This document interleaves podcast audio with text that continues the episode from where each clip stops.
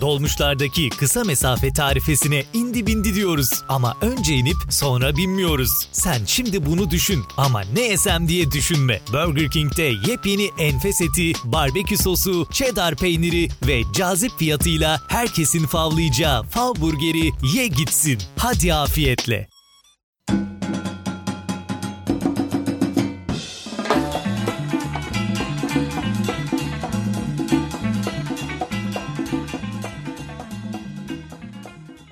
Bir Nevi Biyografinin 50. bölümünden herkese merhabalar. Son birkaç yıldır Türkiye'de podcast yayıncılığına dair çok güzel şeyler oluyor. Geçtiğimiz günlerde benim de bünyesinde olmaktan mutluluk duyduğum Podfresh ile Power Group'un birlikte organize ettikleri bir tören vardı. Podcast ödülleri töreni. Türkiye'de bu alanda bir ilki gerçekleştirdiler. Kendilerini kutluyorum, emeklerine sağlık. Ödül alan yayıncıları da ayrıca tebrik ediyorum. Türkiye'de neredeyse her meslek grubunun bir günü var. Podcast yayıncılığı veya podcasterlık ne derseniz artık bir meslek olmasa da birkaç yıldır en azından sosyal medya üzerinden kutlanan bir podcast günü var. 30 Eylül Uluslararası Podcast Günü. Bu tür gelişmelerin yayıncılık adına güzel kazanımlar olduğunu düşünüyorum. Aynı zamanda bir dinleyici olarak nitelikli yayınların gün geçtikçe artıyor olmasından dolayı da mutluyum. Bir nevi biyografinin 49 bölümlük bilançosuna dönüp baktığımda yüzümü gülümseten onlarca şey var. Biraz özetleyecek olursam herhangi bir yayını dinleyip Instagram veya Twitter üzerinden beğenilerini iletenler, efendim haftalık yayınlanan gazete Oksijen'de önerilen podcastler arasında yer almak, gene muazzam bir girişim olduğunu düşündüğüm Wiser Medya'da yayınların yer alması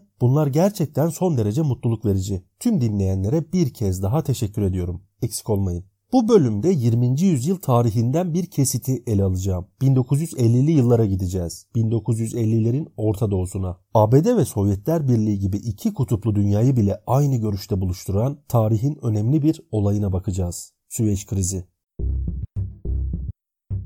Efendim biliyorsunuz Süveyş kanalı dünyanın stratejik bakımdan en önemli güzergahlarından biri. Günümüzde hala önemini koruyan söz konusu kanal 1869 yılında inşası tamamlandığında da dünya ekonomisi için tereddütsüz büyük bir öneme sahipti. Asya'dan getirilen ticaret mallarından tutun da Körfez ülkelerindeki petrole kadar Avrupa'ya daha kısa sürede ve daha az maliyetle yapılan sevkiyatlar işte bu kanaldan yapılıyor. Zira Afrika kıtasını dolaşmaya gerek kalmadan sevkiyat sağlanıyor. Bu da hem zaman hem maliyet açısından büyük kazanç demek. Hatta şu teknik bilgiyi de paylaşalım. Süveyş kanalından geçmek yerine Ümit burnunu dolaşarak Avrupa'ya ulaşmak yolculuğu en az 2 hafta uzatıyor. Hatırlayacaksınız Mart ayında 400 metrelik devasa bir yük gemisi Süveyş kanalını tıkamıştı. 6 gün süren çalışmalar sonucunda gemi tekrar yüzdürülebilmişti fakat bu gecikmeden dolayı karşılaşılan zarar akıl almaz boyutlardaydı. Küresel çaptaki nakliyatın %12 gibi bir oranının bu güzergahı kullandığını öğrendiğimizde bahsedilen rakamlar çok da şaşırtıcı gelmiyor. E, bu bölümün ana konusu Süveyş kanalının ekonomisi değil. Dolayısıyla rakamsal verilere yeterince değindiğimi düşünüyorum. Şimdi geçelim asıl anlatmak istediklerime. Süveyş kanalı Mısır ile Batı ülkeleri arasında nasıl bir diplomatik kriz yarattı, sonuçları neler oldu ona bakalım.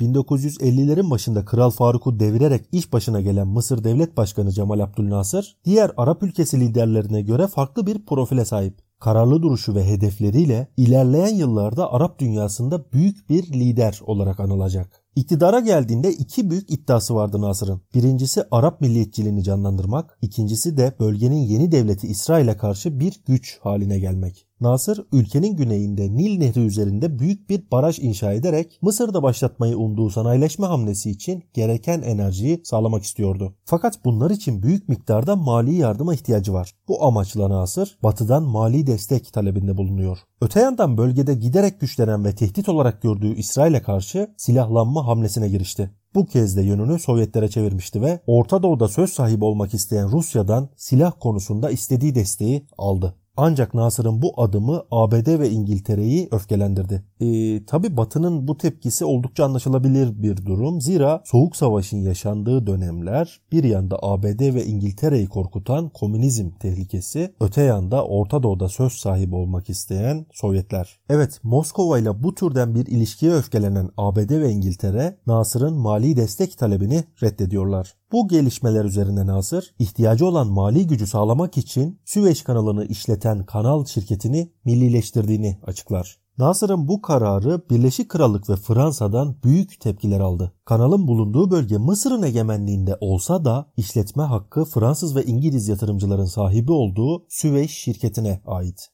Süveyş, Avrupa'ya daha kısa sürede ve daha az maliyetle sevkiyat yapılmasına olanak sağlamasının yanı sıra İngiltere'nin Hindistan başta olmak üzere sömürgeleriyle olan arasındaki bağlantısının can damarıydı. Dolayısıyla kanalın batı için askeri açıdan stratejik bir önemi de vardı. Cemal Abdülnasır, Süveyş kanalını millileştirerek Batı emperyalizmine karşı bir meydan okumaktaydı. Hemen burada e, Birleşik Krallık ve Fransa'nın Mısır'a müdahalesine geçmeden önce o yıllarda Orta Doğu'da ne gibi gelişmeler oluyor ona bakalım. Soğuk Savaş'ın başladığı yıllarda ABD'nin en büyük korkularından biri Sovyetlerin Orta Doğu'ya nüfuz etmeleriydi. Dolayısıyla da potansiyel bir komünizm tehdidi vardı. Bunun önüne geçmek için NATO üyesi olan Türkiye önderliğinde Orta Doğu'da bir savunma örgütü kurmaya karar veriliyor. Öte yandan kuzeyden Sovyet tehlikesini hisseden Türkiye kendi güney kanadını emniyet almak niyetinde. Bunun da yolu Arap ülkeleriyle yakınlaşmaktan geçiyor. Aynı zamanda kurulacak bir pakta Arap ülkelerinin katılması Türkiye'nin bölgedeki konumunu da kuvvetlendirecek. 2 Nisan 1954'te Türkiye ile Pakistan arasında imzalanan dostluk ve işbirliği anlaşması bu kuruluş için önemli bir aşamaydı. Aynı yılın Ekim ayında Ankara'yı ziyaret eden Irak Başbakanı Nuri Said Paşa, Türkiye ile Irak'ın Orta Doğu'da bir savunma örgütü oluşturmayı kararlaştırdıklarını açıklamıştı. 24 Şubat 1955'te Türkiye ile Irak arasında imzalanan karşılıklı işbirliği anlaşmasına 4 Nisan'da Birleşik Krallığın, 23 Eylül'de Pakistan'ın, 3 Kasım'da da İran'ın katılmasıyla Bağdat Paktı kurulmuş oldu. ABD ise pakta gözlemci üye olarak katıldı. Irak'ın pakta girme nedeni Batı'nın ekonomik ve askeri yardımını alarak bölgedeki en güçlü Arap devleti olma isteğiydi. Öte yandan Türkiye ve Irak, Ürdün ve Suudi Arabistan gibi Arap ülkelerini pakta dahil etmek için çaba gösteriyorlardı. Fakat ülke yönetimleri batıya sempatiyle baksa da halk buna karşıydı. Çünkü şöyle bir durum var. Ee, Orta Doğu'daki Arap devletleri Sovyetlerden çok İsrail tehdidine önem veriyorlar. Dolayısıyla komünizm tehlikesi Araplar için bir şey ifade etmiyor. Araplar Orta Doğu'da İsrail'in kurulmasından Avrupalı güçleri sorumlu tuttukları için Arap kamuoyunda kuvvetli bir batı aleyhtarlığı mevcut. Bu nedenle batılı devletlerle herhangi bir ittifaka girmeleri dolaylı olarak İsrail'i tanımak olacaktı ki bu da mümkün değildi. Evet Nasır önderliğinde Mısır oluşan pakta yani Bağdat paktına son derece sert bir tepki göstererek bu durumun Arap birliğini parçaladığını belirtti. Mısır'a göre Bağdat Paktı uluslararası ilişkilerde Mısır'ın Arap dünyasını ayrı bir güç haline getirme amacına ters düşüyordu. Nasır, Arap devletleri arasında Suriye'yi yanına çekmeyi başardı. Bağdat Paktı'na karşı bir oluşum yarattılarsa da çok da uzun vadeli olmadı. Süveyş'in millileştirilmesi uluslararası bir boyut kazandığı için Sovyetler Birliği de bu olaya seyirci kalmadı ve Mısır'ın yanında yer aldı. Suudi Arabistan millileştirme konusunda Mısır'a politik destek olurken Mısır'la bir ittifak yapmaktan kaçındı. Çünkü Suudi Arabistan Batı yardımına ihtiyaç duyuyordu. Diğer yandan Arap dünyasında artan milliyetçilik de bu devleti Batı'nın yanında açıkça yer almaktan alıkoydu. Şimdi de Birleşik Krallık ve Fransa'nın Süveyş kanalının Cemal Abdülnasır tarafından millileştirilmesi sonrasındaki plan ve hamlelerine bakalım.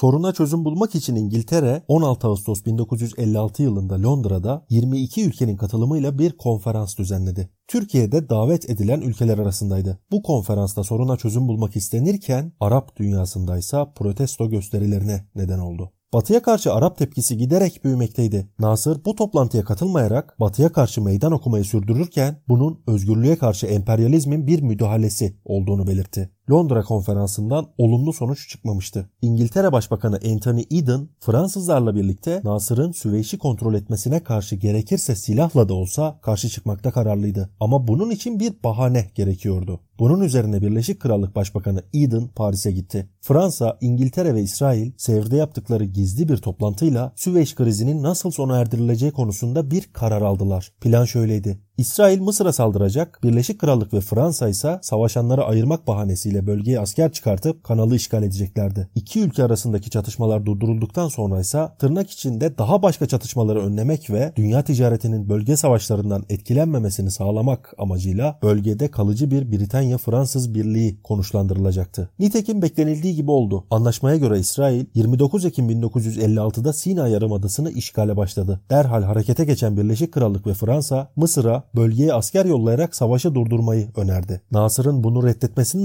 ardındansa iki devlet askeri harekata başladı. Birleşik Krallık'tan ve Fransa'dan birçok uçak gemisinin katıldığı harekat 5 Kasım'a kadar hava saldırısı, sonrasında ise paraşütçü birliklerin indirilmesi şeklindeydi. Taktik açıdan harekat oldukça başarılıydı. Britanyalı ve Fransız birlikler Mısır birliklerini yenip kanalı kolayca ele geçirdi ve bölgeye hakim oldu. Hem Sovyetler Birliği hem de Amerika Birleşik Devletleri bu saldırıya karşı cephe aldılar. ABD ve Sovyetlerin savaşa karşı ortak tavır koymaları Soğuk Savaş'ın ender olaylarından biridir. Sovyetlerin Mısır'dan çekilmemeleri durumunda Paris ve Londra'ya saldırı yapma tehdidi sonrasında Birleşik Krallık ve Fransa ateşkes ilan edip geri çekilmek zorunda kaldı. Kasım'da başlayan geri çekilme Aralık ayında tamamlanmıştı. ABD Süveyş krizinin daha büyük bir çatışmaya dönüşmesi ve Doğu-Batı blokları arasında bir savaş halini almasından çekiniyordu. Diğer çekincesi ise bölgedeki Batı karşı takımların güçlenmesiyle Arap ülkelerinin Sovyetlere yanaşmasıydı. Zira petrol sebebiyle çok önemli olan bu bölgede Sovyet etkisi ABD için kabul edilemez olacaktı.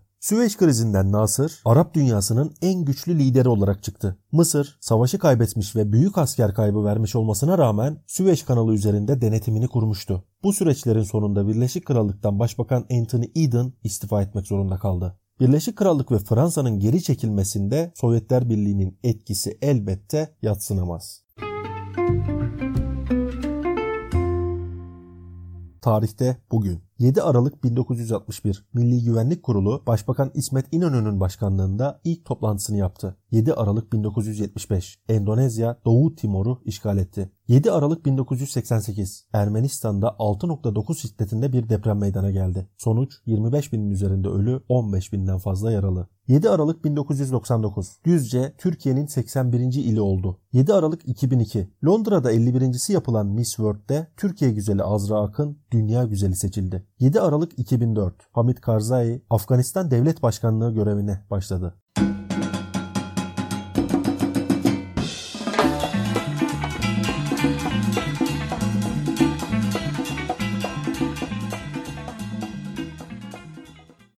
Dolmuşlardaki kısa mesafe tarifesine indi bindi diyoruz. Ama önce inip sonra binmiyoruz. Sen şimdi bunu düşün ama ne yesem diye düşünme. Burger King'de yepyeni enfes eti, barbekü sosu, cheddar peyniri ve cazip fiyatıyla herkesin favlayacağı fav burgeri ye gitsin. Hadi afiyetle.